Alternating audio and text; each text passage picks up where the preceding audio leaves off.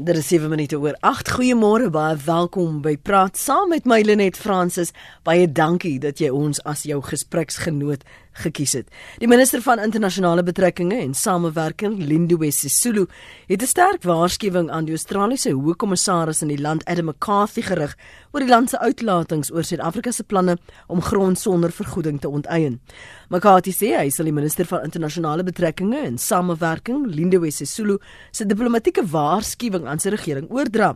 So vanoggend op praat saam kyk ons na Suid-Afrika se buitelandse beleid en diplomatieke verhoudinge wat ons met ander lande moet hê en of dit enigsins iets wat gelei het tydens die Zuma Jacob Zuma era.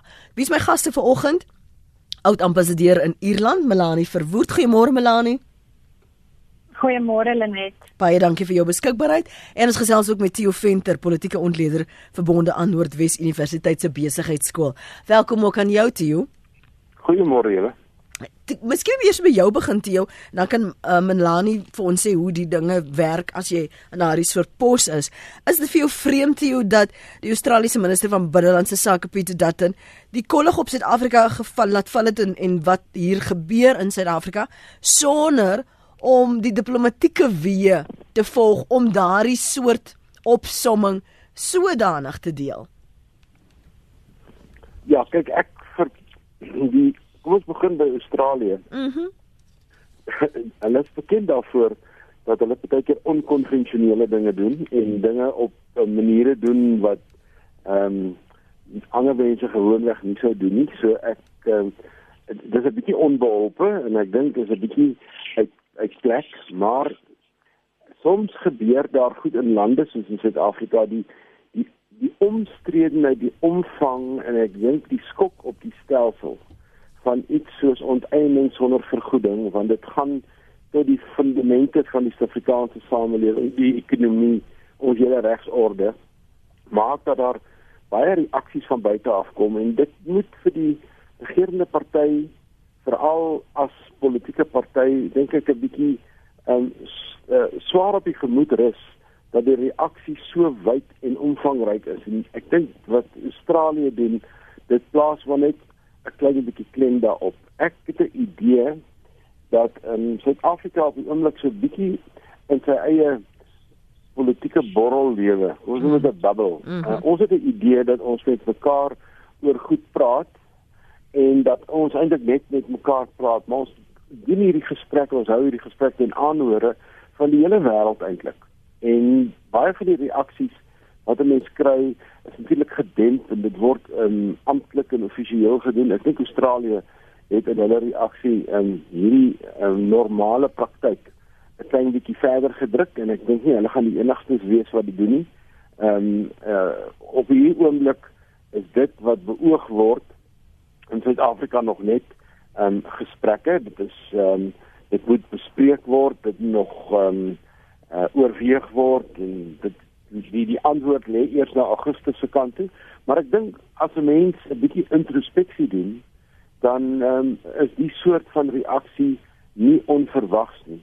Maar ek dink ons probleem is baie groter as dit. Baie groter as die Australiese probleem. Ons probleem is eintlik dat ons dat ons buitelandse beleid oor baie jare en en ek dink dis een van die ellendes wat die Zuma jare vir ons gebring het is dat ons buitelandse beleid het baie baie agteruit gegaan. Ons was op 'n stadium toe ehm um, president Mandela president geword het, het ons soveel ehm um, diplomatieke kantore en en en kommissies want veral in die, in die uh, as jy aan die aan die Commonwealth behoort die die uh, Statebond dan word so 'n missie word 'n uh, hoë kommissaris genoem. Maar maar dieselfde ding as 'n diplomatieke kantoor het uitgebrei en dat Suid-Afrika op 'n stadium na um, Groot-Brittanje en die FSA, 'n paar sulke lande van die meeste diplomatieke kantore in die wêreld gehad het. Ten minste weet ek mm -hmm. dat in die tydperk toe ons die ondersoek gedoen het na moet die parlement skuif van ja, ja. Kaapstad na Pretoria hier in Tabo en Bekkie se tydperk was Pretoria een van die stede in die wêreld met die meeste missies. So ons het 'n baie groot en 'n baie ryke teenwoordiging in die internasionale wêreld en ek dink nie ons sorg baie mooi daarvoor nie. Ek gaan vir 'n oomblik net wegbeweeg van hoe dit agteruit gegaan het, ehm um, Tio, want daar is 'n paar goed veral wat met verwysing na die oud president Jacob Zuma wat ek wil hê ons moet verder ontleed, maar ek wil vir jou vra die ruimte wat geskep word, eh, veral diplomatieke ruimte wanneer jy krities is teenoor 'n ander land se beleid. Hoe openbaar jy dit? Hoe deel jy dit sonder om byvoorbeeld handelsbetrekkinge daaronder te laat lê Melanie? Wat is die weg wat gevolg moet word as om net nog 'n persverklaring of uh, nog 'n TV-onderhoud toe te staan? Ja, kyk, ek dink as ons spesifiek nou praat eers vir 'n oomblik oor die Australiërs, ek ek dink ehm um, wat daar gebeur het en wat baie gebeur in ons land ook, is 'n politikus sê iets ehm um, soort van jy weet in die hitte van die oomblik en dan begin die ding hardloop. Die dit was 'n baie dom ding om te doen van die Australiërs. Ehm um, nie alleen oor die inhoud nie en dit is natuurlik bietjie opgestook van hierdie kant af en deur baie van die Suid-Afrikaners wat in Australië is maar ehm um, maar spesifieke proses en en dit is die punt wat jy nou aanraak. Die die regte manier om dit te doen is vir die Australiese regering wat baie sterk bande met Suid-Afrika het en baie sterk wat ons 'n bilaterale verhouding het om dit eers as hulle sê deur die back channels te vat. So wat jy doen is jy laat jou diplomate praat nommer 1 Ehm um, so hulle praat met mekaar, buitelandse sake se diplomate praat met mekaar. En as jy regtig ernstig daaroor voel, dan laat jy jou eerste minister met die ander land se president of omgekeer, laat jy hulle met mekaar praat. Ehm um, jy reële telefoonoproep. Wat jy nie doen nie is om dit net soort van die pers aan te kondig en te dink daar gaan nie 'n reaksie kom nie vir al iets wat so ongelooflik kontroversieel is van my uh kontak in Australië het vir my probeer verduidelik dat dit kom natuurlik uit 'n lang geskiedenis van Australië af waar hulle in die apartheid daar ook baie baie sterk uitgepraat het en dat hulle hulle self soort van in 'n globale konteks wil um nog altyd posisioneer as mense wat so van die moral high ground wil vat. Ja. Ek ironies gegee hulle geskiedenis. Presies. Um en ook hulle grondgeskiedenis. Dit is die ander ironie daarvan. Maar um die feit van die saak is wat hulle hier verkeerd gedoen het was die proses. Ehm um, en ek stem 100% saam met Theo dat ehm um, duidelik dink sommige van hulle ook dat hulle so 'n bietjie in 'n bubble leef. Ehm um, vir my was dit seker een van die frustrerendste goed geweest terwyl ek ambassadeur was, was hoe die politici en ook mense in Suid-Afrika vergeet dat hulle deel dat alles wat hulle hier sê is binne sekondes amper onmiddellik is is in die buiteland op die internet is in die media ensovoorts in Suid-Afrika ehm um, dis nou informeel nie dan van die formele beleid ja. nie, maar informeel dink ons nog steeds 'n bietjie dit is nog 'n bietjie van ons madiba arrogansie dat ons dink die hele wêreld stel in ons belang en dat ons hierdie groot big shots is. En eintlik as jy in die buiteland begin werk, dan besef jy ons is maar baie ver in die suidelike puntjie van Afrika, 'n baie klein landjie wat nie regtig so baie belangstelling meer in in in die buitelandse konteks opwakker nie. En dan terselfdertyd alhoewel ons met hierdie arrogansie sit, sit ons aan die ander kant dan is ons half verbaas as goed in ons gesig opblaas. Ehm um, wanneer ons gesê en ons kan nie verstaan maar hoekom is die buiteland nou onstig daaroor en so voort nie. Hmm. So uh, dit is iets presies wat jy sê wat van beide kante af kom. Australië het 'n fout gemaak, maar ons kan ook nie hier sit en dink dit gaan nie probleme vir ons veroorsaak as ons sekere goed sê en nie genoeg verduidelik nie. Ek dink dit is maar die groot probleem. Een van ons luisteraars skryf hier: Suid-Afrika is 'n onbenullige landjie aan die suidpunt van Afrika. Ons speel glad nie 'n rol in die groter wêreldprentjie nie. Ek wil aansluit by jou verwysing na die politieke babbel, hierdie borreltjie waarin ons leef en ek weet jy het spesifiek verwys na Jacob Zuma, maar het dit nie reeds begin met uh, Thabo Mbeki se African Renaissance destyds nie, Theo, want toe het ons al hoe meer 'n klemverskywing gehad. Kyk, die die Afrika Renaissance onder Thabo Mbeki was 'n baie interessante projek en 'n projek 'n projek? Um, Hoekom noem jy dit 'n projek? Dit was sy droom? Ja, maar ek gebruik die woord projek soos wat um, die nuwe gebruik van die woord in Suid-Afrika okay. wat hy posgevat het. Daar ja. word gepraat van ons demokratiese projek mm. vir dit en nou dat. Hy het gegaan in sy tyd. Alles is 'n projek. ja, alles. Hy het gegaan in sy tydperk en hy het gesê ek wil sê ek van Afrika se diplomatieke verhoudinge moderniseer.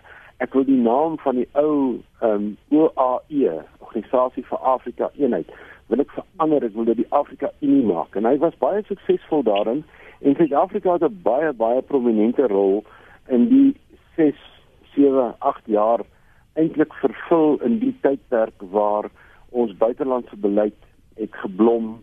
Ons teenwoordigheid was oral. Daar was 'n 'n baie dinamiese proses. En ons het in 'n sekere sin geweet toe uh, Jacob Zuma oorneem dat sy fokus nie so sterk gaan wees op die op die Afrika Renaissance en 'n klomp projekte wat saam met die Afrika Renaissance geloop het soos die die ewige evaluerings um, proses waar Afrika lande begin het om mekaar te evalueer en uh, en uh, en eintlik um, ongelooflike vooruitgang gemaak het om vir mekaar op 'n manier te kritiseer en aan te moedig om om beter verhoudinge te hê en die sneer en en alles wat daarmee saamgaan.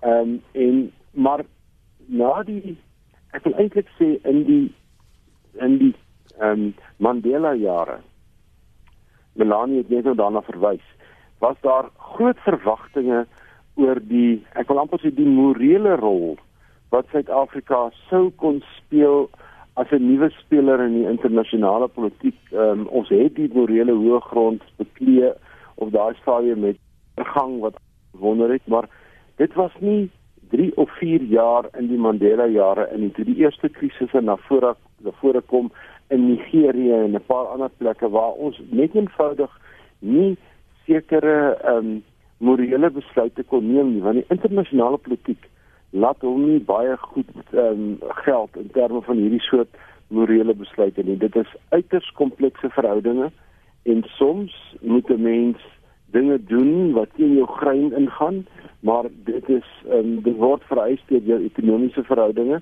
Soms moet jy dinge nie doen nie wat jy graag sou wou doen. Ehm um, dink ek soos wat die Australiërs nou besef het.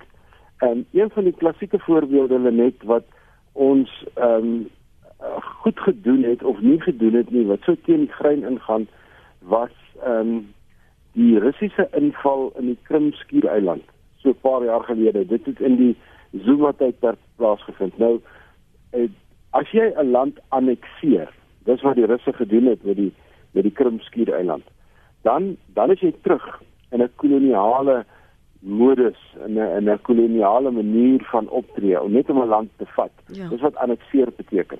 En as jy mens nou na die ANC se geskiedenis kyk, dan is hulle het hulle 'n ingeboude gekantheid teen kolonialisme en hulle het 'n ingeboude gekantheid teen enige soort optrede wat sou lyk na koloniale optrede. Tog was ons baie baie stil en het ons geen weerstand gebied teen die Russe op daai stadium wat blaatant 'n stuk land gesteel het vir hulle eie binnelandse voordele en hulle eie militêr strategiese belange nie die die skrim die Krimskiereiland.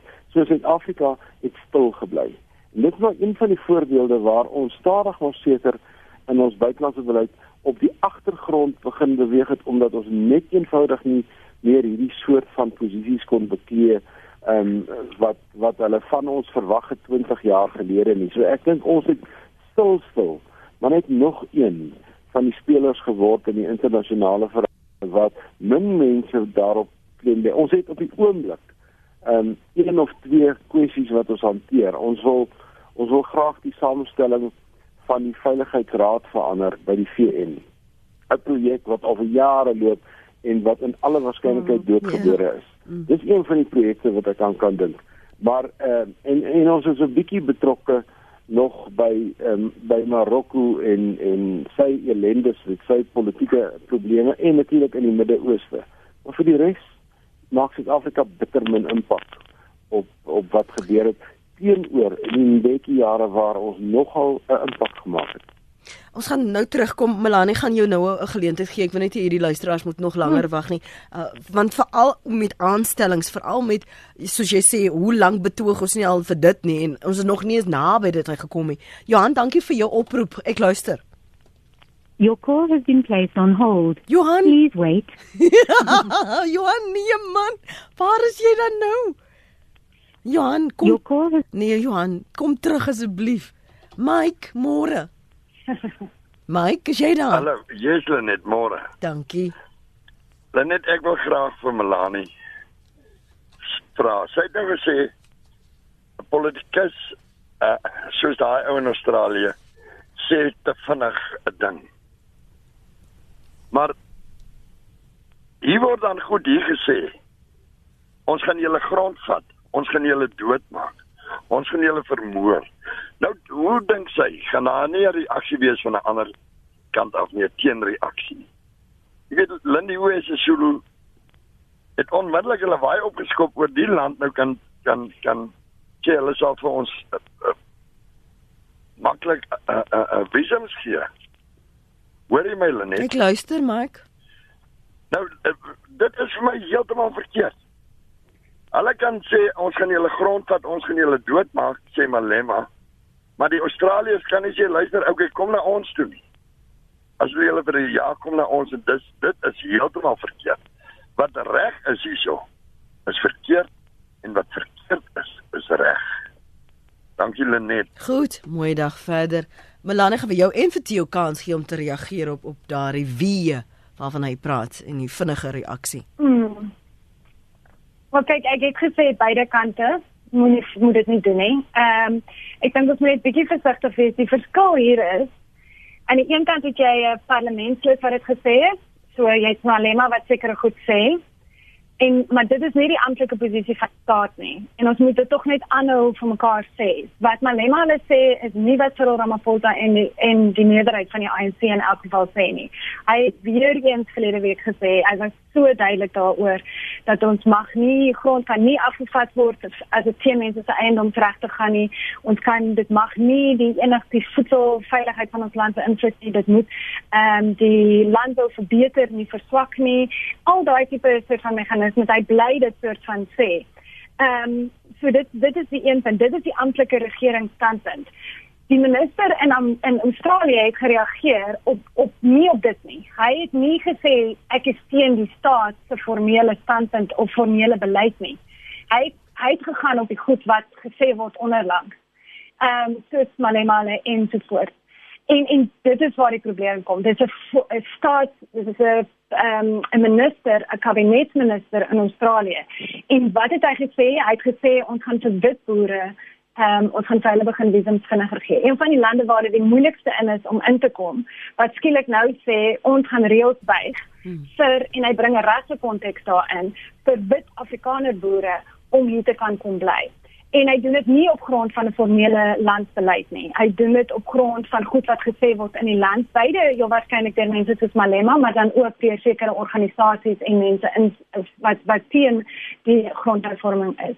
Ehm um, en dit is waar die nie probleme inkom. Hy moet dit is dit is waar ouens hulle dit is waar diplomatieke uh, diplomatie gaan. Diplomatie is 'n uh, baie soort van jy waarskynlik bietjie verouderd, maar dit is 'n dit is 'n intrik is die Engels is al weer intricate. Dit is 'n sensitiewe dans wat wat jy dans tussen lande. Dit en dit is 'n sensitiwiteit wat jy moet hê aan een kant om natuurlik jou waardes en te voors te kan kan uitspreek, maar terselfdertyd om baie versigtig te wees om nie te ehm um, sit van oorgrense te gaan wat nie joune is nie. Dit is baie interessant net wat op hierdie punt wat wat Theo nou gesê het, Mandela het hierdie konsep ingebring van etiese etiese buitelandsbeleid. Ehm um, Maar 'n baie interessante ding is en reg oor die wêreld word die konsep verskriklik gedebatteer. Wat presies beteken dit? Ehm um, en as jy my die woord sal ver, vergewe, ehm um, iemand het eendag vir Barack Obama gevra, een van die uh, White House correspondents op 'n vliegtuig. Kan jy vir my asseblief in een sin opsom wat is jou buitelandse beleid en nou verskoon nou die effense kras woord en Obama se reaksie was don't do stupid shit. Mm en hy sê then we'll all be fine. En ek dink dit is dit is basies wat vir diplomatie gaan. Is moenie stupid goed doen nie. Ehm um, in terselfdertyd leef jou waardes uit. So dis hoekom ek sê dit is 'n soort van ingewikkelde dans en 'n sensitiewe dans wat uitgevoer moet word. En die probleem hier het gekom dat dit formeel gedoen is deur 'n minister, wel nie formeel in die sin dat die Australiese beleid verander het nie, maar dat hy dit gesê het en ehm um, en dat hy nie die regte kanale gevolg het eers om dit met die Suid-Afrikaanse regering en buitelandse sake te bespreek nie. Chris, net kan ek net ja. 'n opmerking maak oor sy het nou gepraat van die diplomatie kan dalk 'n bietjie verouderd wees. Nou as 'n mens nou net in hierdie gesprek van ons verplaas Amerika toe en ons vat Donald Trump se tweets. Ja. dan besef jy skielik watter Mm. kompleksiteit skep hy deur buitelandse beleid te tweak en goeders te skryf wat tot sy State Department, sy departement van buitelandse sake nie van weet nie Ja. en watter dilemma um, hy skep vir hierdie soort reaksies soos wat ons nou gehad het uit Australië uit want die um, as die as ons na die Amerikaanse binnelandse politiek kyk dan sal jy merk dat daar baie omstrede goed gesê word en goed wat dikwels grens aan die rassistiese kant en mure wat gebou moet word tussen Mexiko en Amerika en allerlei uitlatings wat mense amper nie kan glo nie en jy sal opmerk dat baie min van die Amerikaanse handelsvennote reageer op hulle interne politieke debatte. intern. Baie min mense reageer op wat in Groot-Brittanje aangegaan het in hulle huishoudelike debatte oor Brexit of Ja. wat in Frankryk aangegaan het Ja. met hulle baie regse tannie wat wat uh, teen Macron gestaan het mm. en alles wat daarmee saamgaan. So ek dink wanneer ons oor Suid-Afrika praat, dan moet ons die groter prentjie ook net in aanmerking neem dat dit is 'n gevaarlike speletjie om te reageer mm. op 'n interne debat want dis eintlik wat in Suid-Afrika aangaan. Ehm um, en tog is die buitelandse reaksie daarop vir my belangrik want dit gee vir ons 'n soort spieël oor wat mense buitekant sê oor wat ons oor moet praat en ons kan dit nie net ignoreer nie. Ek dink ons moet baie kennis neem daarvan. Ons praat oor Suid-Afrika se buitelandse beleid en diplomatieke verhoudinge en wat ons behoort te hê met ander lande. Ek wil terugkeer na een van die kommentare hier op ons uh, webblad bis by rsg.co.za daar's twee uiteenlopendes. Chris skryf: "Dink Lindiwe Sisulu regtig Australië skrik vir 'n dreigbriefie van Suid-Afrika? Vir die groot wêreldspelers is ons 'n nietige ou Afrika landjie wat verkoop is aan die Guptas. Hulle lag net vir ons patetiese korrupte regering." Die wit EFF skryf: Die nuwe Suid-Afrika is niks meer as 'n eksperiment van die eks-koloniale lande om hulle eie beeld te poets en hulle donker verlede in gekoloniseerde lande te was. Verder het niks in die nuwe Suid-Afrika verander nie. Die geldmag beheer nog steeds die rentekoerse en papiergeld. Mandela het in 1992 oorgegee en sy basiese staatskaping goedgekeur deur nasionalisering van die myne te skrap. Dit is nou van die menings daar. Kom ons hoor eers wat sê François op Middelburg. Goeiemôre François. Ag goeiemôre. Ag die punt wat ek wil maak, Melanie sê nou ja, dis is die Australië, Australiese regering het reg gereageer op gerugte, maar dit is die amptelike regering wat die mosie deur die parlement gevoer het om grond te onteien. En dan ek weet nie, ek dink die regering onderskat ons intelligensie. Hoe onteien jy 'n ander ou se goed sonder vergoeding? Hoe vat ek ander ou se goed op 'n ordelike manier? sonder om te betaal daarvoor. Daar is mos nie die woord ordelikheid pas mos nie daarbey nie. As jy iets vat sonder om te betaal, kan dit mos nou nie ordelik wees nie. En dan 'n ander punt oor Lindiwe se Sulu. Ek meen sy moet nou eintlik gesoet om in die kies by wees as die wit boere die kant toe gaan. Uh want dan is die grond beskikbaar. En dan ekskuus en dan net nog 'n opmerking oor Melanie omdat sy die woord wit boere omdat Australië nou weer vir die wit boere visums gee. Maar dit is die wit boere se grond wat gevat gaan word. Dit is nie 'n ander rasse groep se grond wat gevat word. Dis maar net my standpunt oor die So nou François, wat Sê jy se- uh, hou se Nee, nee, vas kan met ek net gou van vra, Ja. sê wie? Wie sê die witboere se grond gaan gevat word? Waar is dit al een keer deur die regering? Um, uh, okay, uh, wil wil u nou vir my sê dat uh, hulle swart boere se grond ook gaan onteien? Dan is die hele ding mos nou eintlik 'n klug want hulle wil nou mos nou juis hulle landbougrond gaan afvat. Uh, ekskuus tog wat, wat afvat. landbougrond. Waar word dit gesê dat daar landbougrond? Landbougrond. Waar is Maar okay, as ons al praat van grond, uh, dit mos nou die regering. dit is mos al plase wat hier betrokke is. Dis mos nou nie die erf van die stad wat hulle gaan onterf nie. Ag onteien nie. Ek dink wat sy François. Ja, nee, dit is nog nooit gesê nie. Dit is nog nooit gesê nie. Wel alleen ons in 'n verkeerde land, wat ek meen, dit, dit, dit is wat die parlement uh, uh, dit is wat die parlement die mosie aanvaar het, die onteiening van landbougrond. Die woord landbougrond is spesifiek daar gebruik. Nee, nee dit is nie. En dit is dit is die probleem. Ja, jammer dan luister ons nou as ek na verskillende nuus gebeure.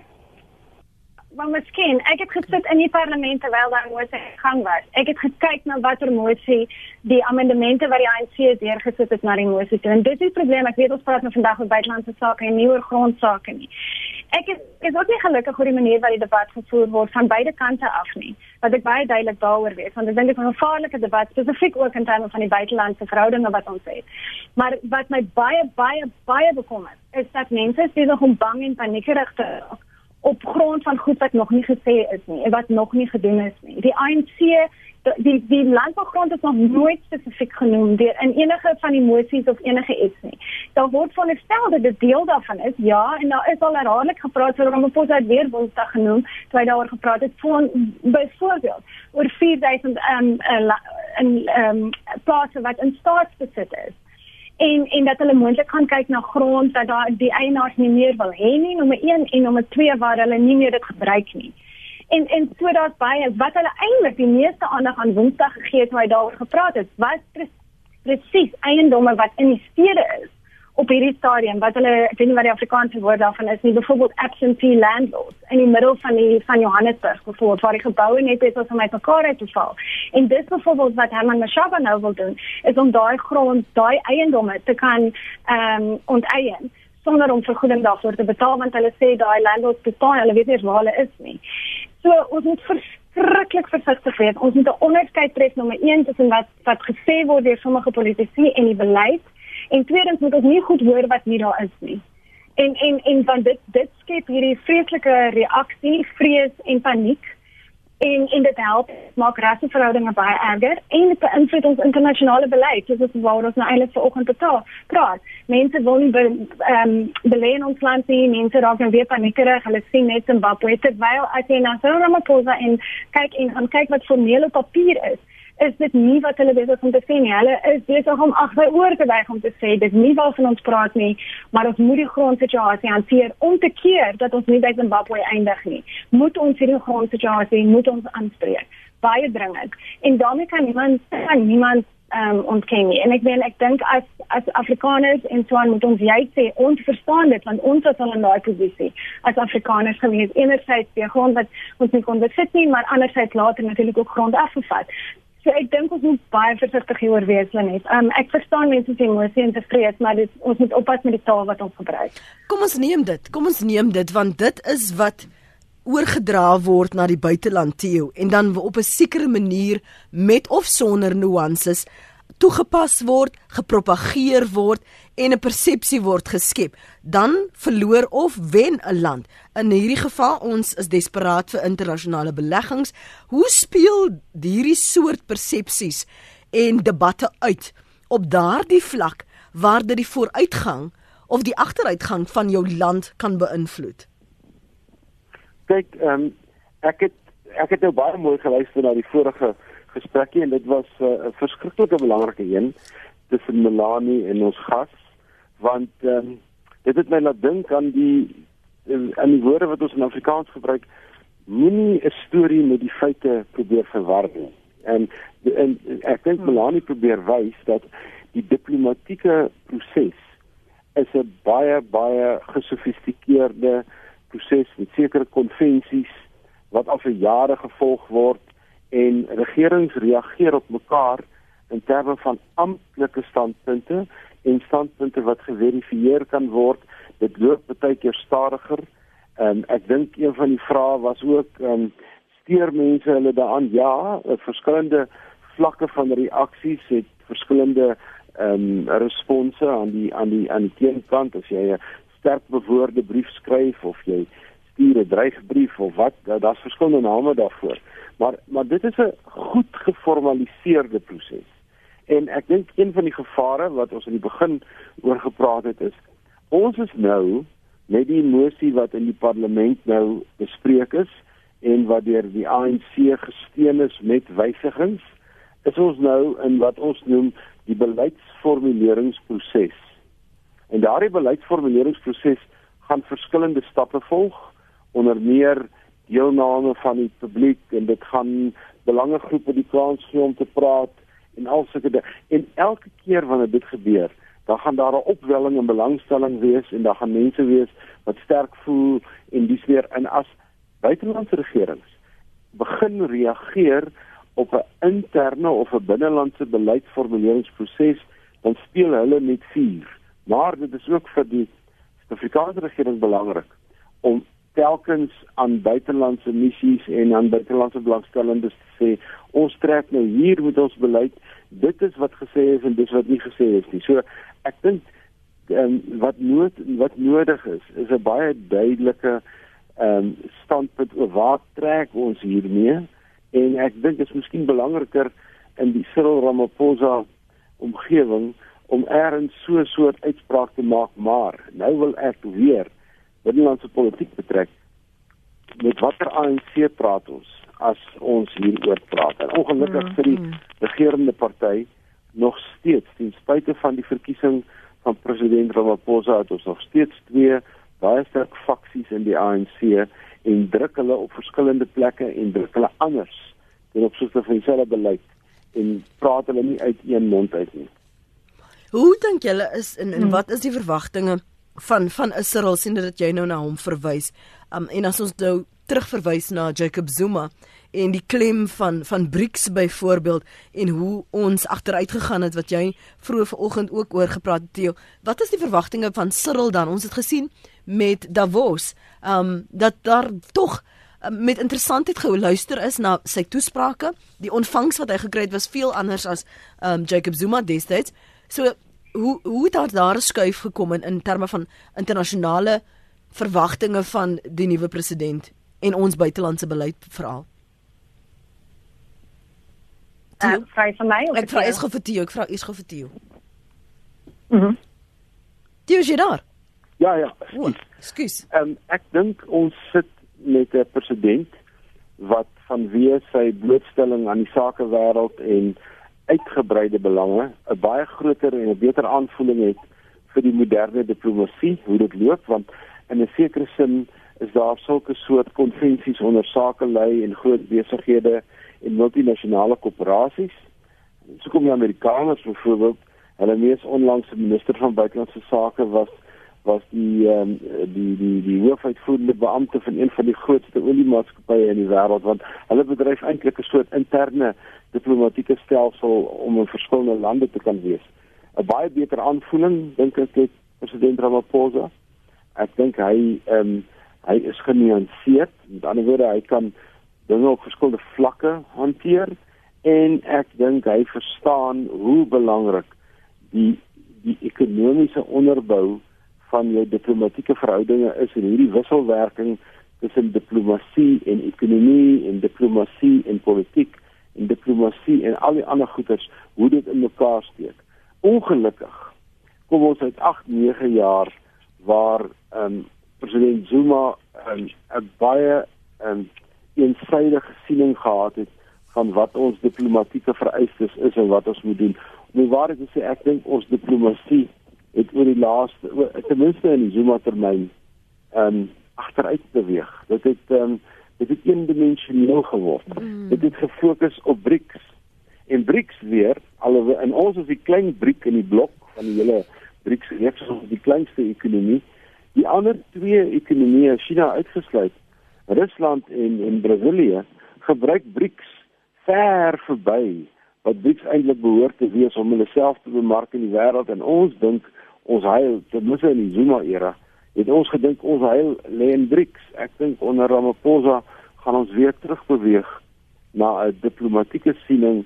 Dat BRICS is maar een komponent van ons belangstelling en dis een area waar ons erken word en ons gaan dit baie meer genuanceerde beleid kry. 'n ander minister ek moet ook sê ons vorige minister was vir my ook nie op die vlak waar ek dink eh, 'n uh, minister van buitelandse sake behoort ja.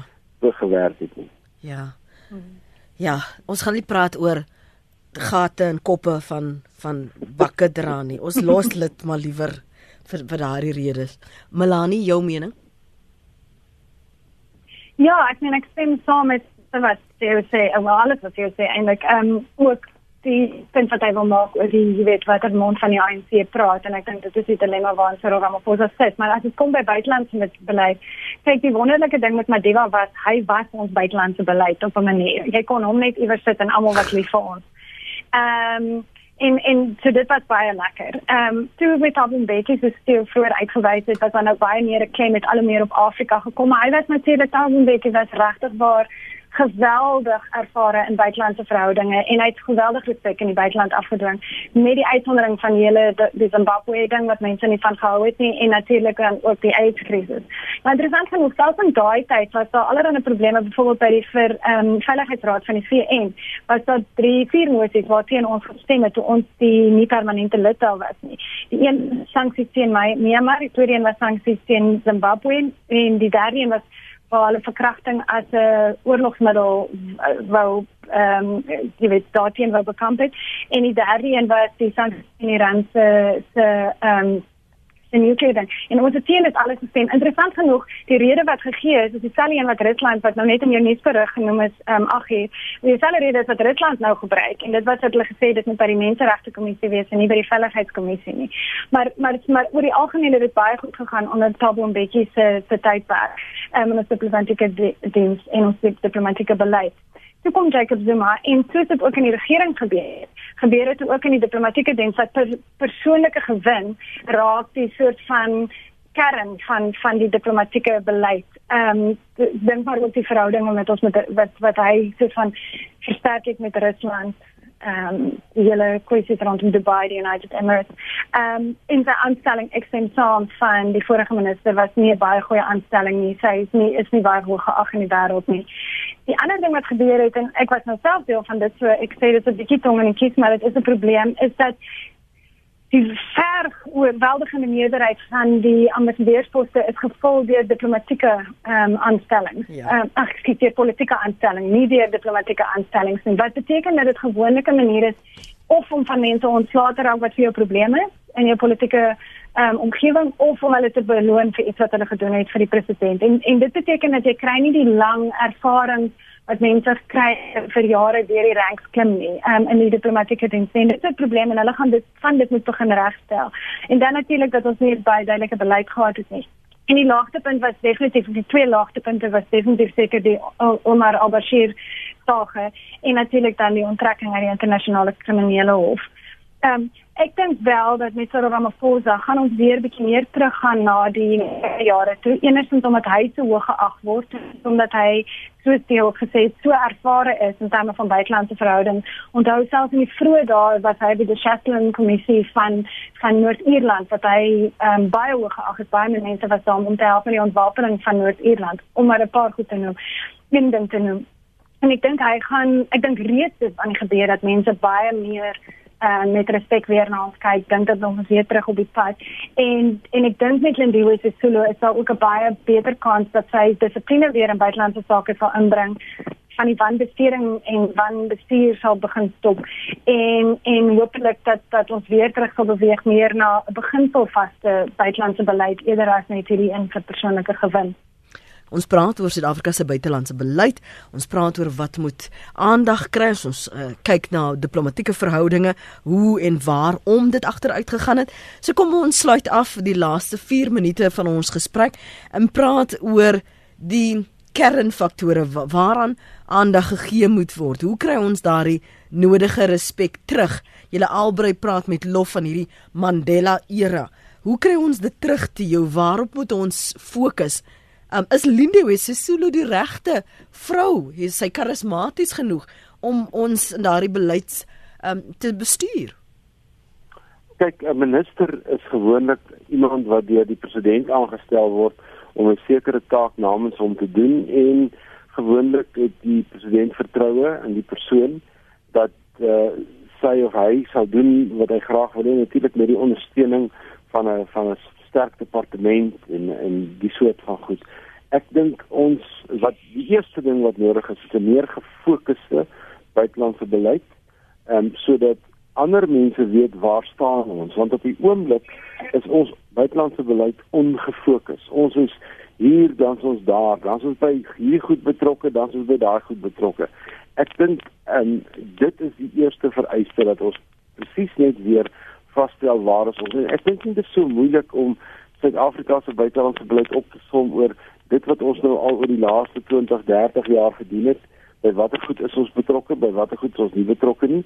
Maar ek dink ehm um, die grootste ehm um, uh, kwessie waaruit ons moet kom in ons buitelandse beleid is om vir die wêreld te wys dat ons klaar is met hierdie Zuma poging gewees om eintlik op 'n diplomatieke en op ander pogings Suid-Afrika se energiebeleid so half en half ehm um, deur Rusland te laat doen. Dit was vir die res van die wêreld duidelik dat ons besig is om met Rusland te flankeer in 'n poging om 'n klomp onnodige kernkragsentrale te bou. Dit ja. is op 'n stadium wat my aanbetref amper die hoof fokus van ons buitelandse beleid geword.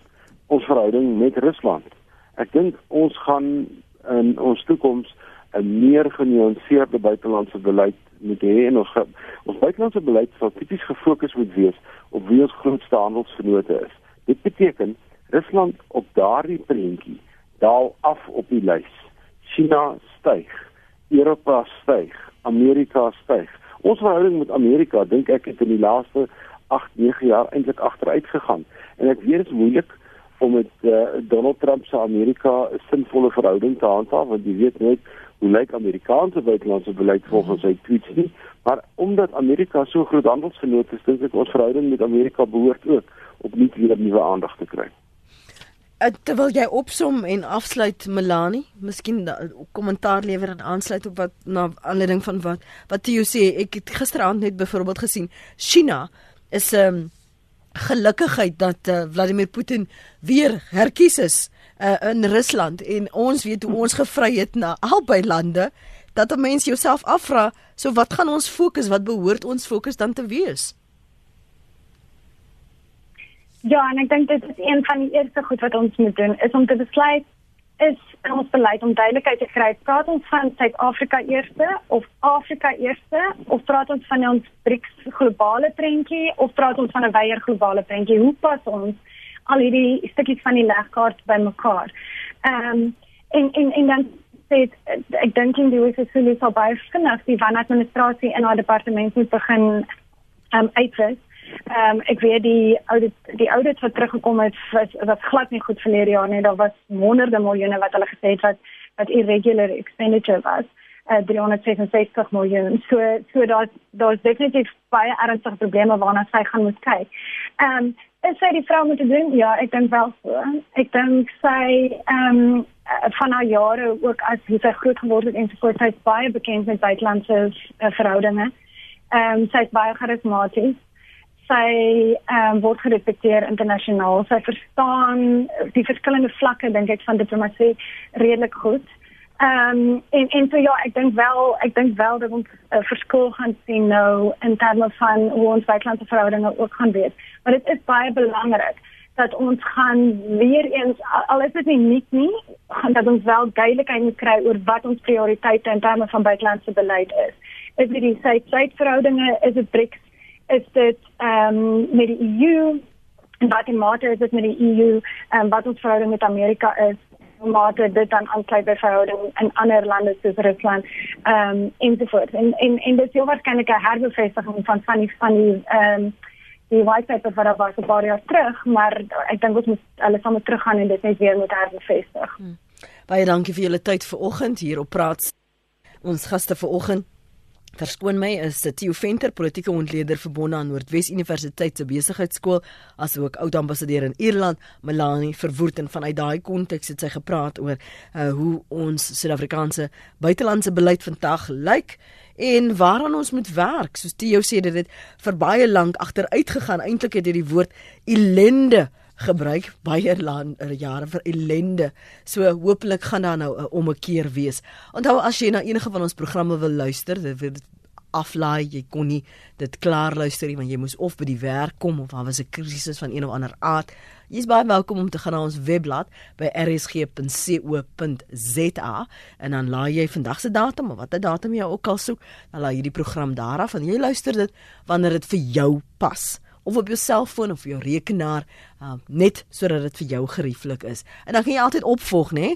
Uh, ek verwelkom jou kommentaar, nie na die program hier nie, want dan kan ek dit weer lees nie. Maar as jy wil in gesprek tree waar ek kan en tyd te toelaat, sal ek dit beslis doen.